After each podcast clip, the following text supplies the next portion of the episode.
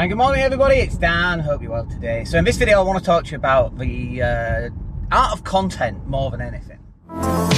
Welcome to the Daniel Latto Podcast Show.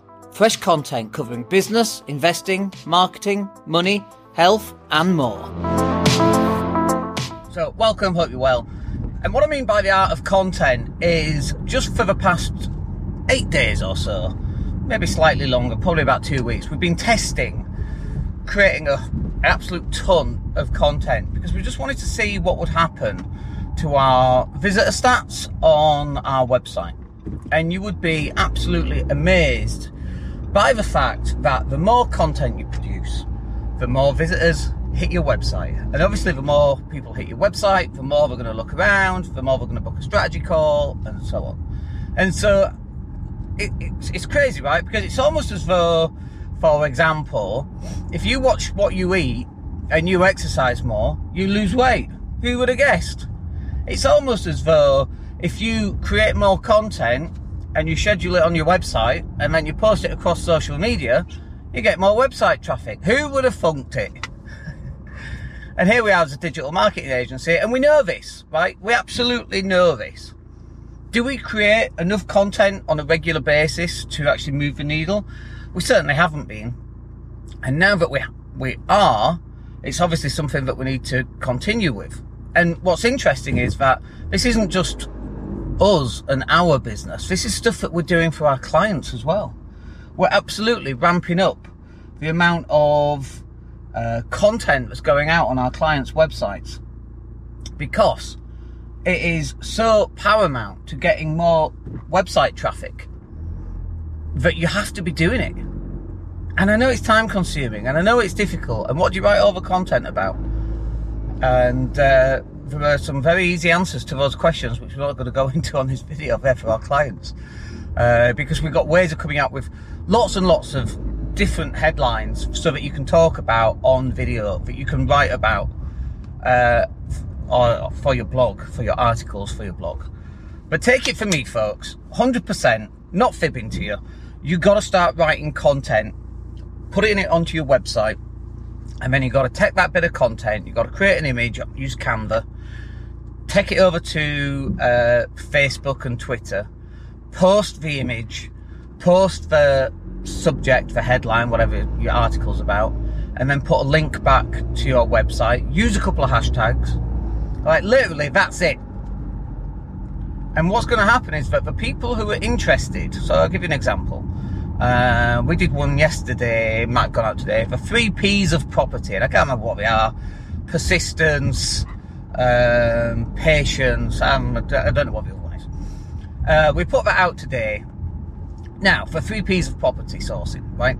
So, uh, who's going to watch that? Well, or read that? Well, the people who are interested in property sourcing, they identify themselves by clicking on the link, then they go over to the article, and there is an advert for our £27 property sourcing. We made a sale off that. So it's directly relatable to you creating more content, you're going to make some more sales.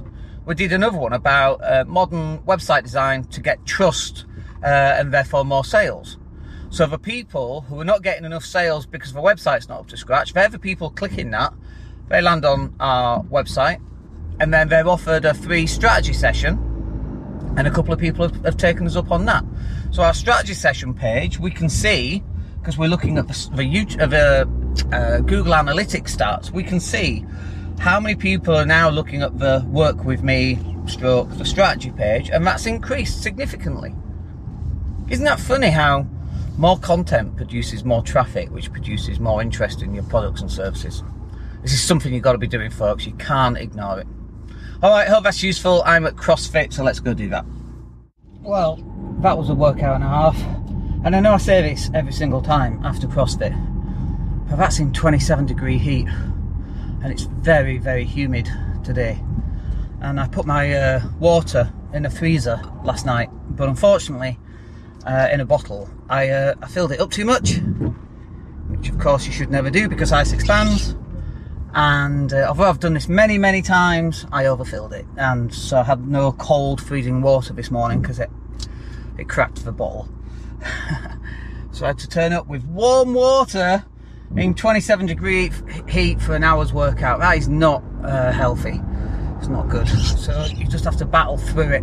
Um, I'm looking forward to a cold, cold shower when I get in to try and recover. Um, but these these workouts, you know, the stuff we do today makes us better for tomorrow, right? Takes us back to content, doesn't it? Quite nicely uh, on a segue there. You know, the the amount of content that we produce for ourselves and our clients is significant. But what that means is that we still get to keep our clients because they get more customers, and we get more customers too. But it's a win-win. It, you know, we've been saying this for weeks. Content, not just weeks, months, years. Content, content, content. But I think the, the realization for me is just how much content you actually need. Uh, because a little bit of content's not not really moving the dial. You need a significant amount of content to start getting more calls. But don't let that put you off either, because it's a it's about acclimatization. I will acclimatise to working out in 27 degree heat. It's not the ha- um, hottest I've worked out in. 34 degrees for 20 minute runs in my basement was the highest. And you just get in and you get to it and you acclimatise to it and it just makes it easier. And so your acclimatization with content is just to start doing like one every two days. Like write an article, 500 words, once a week would be a start, but most people are not doing that. If you do it once a week, you start to see over the next few weeks and months the amount of traffic hitting your website increase. So this is the thing, uh, you know, we people ask us, "Oh, I need a website," and it's like, "Great, fine." So we do the website, and it's static. It nothing changes on that website for like a whole year, and then sometimes these clients go bust because we've just created a website for them, but there's no content, there's no actual marketing. And it's like people just automatically seem to think. Sorry, I'm sweating. People just seem to automatically think, well, I have a website and people will just find it as if by magic. No one's finding your website. You've got to make some content. You've got to put some content on there. And if you don't put content on there, you ain't getting traffic on your website. That's just the way that it goes. There's, there's no traffic coming. Anyway, back home now. Got to take the dog to the vets, which I'm not looking forward to.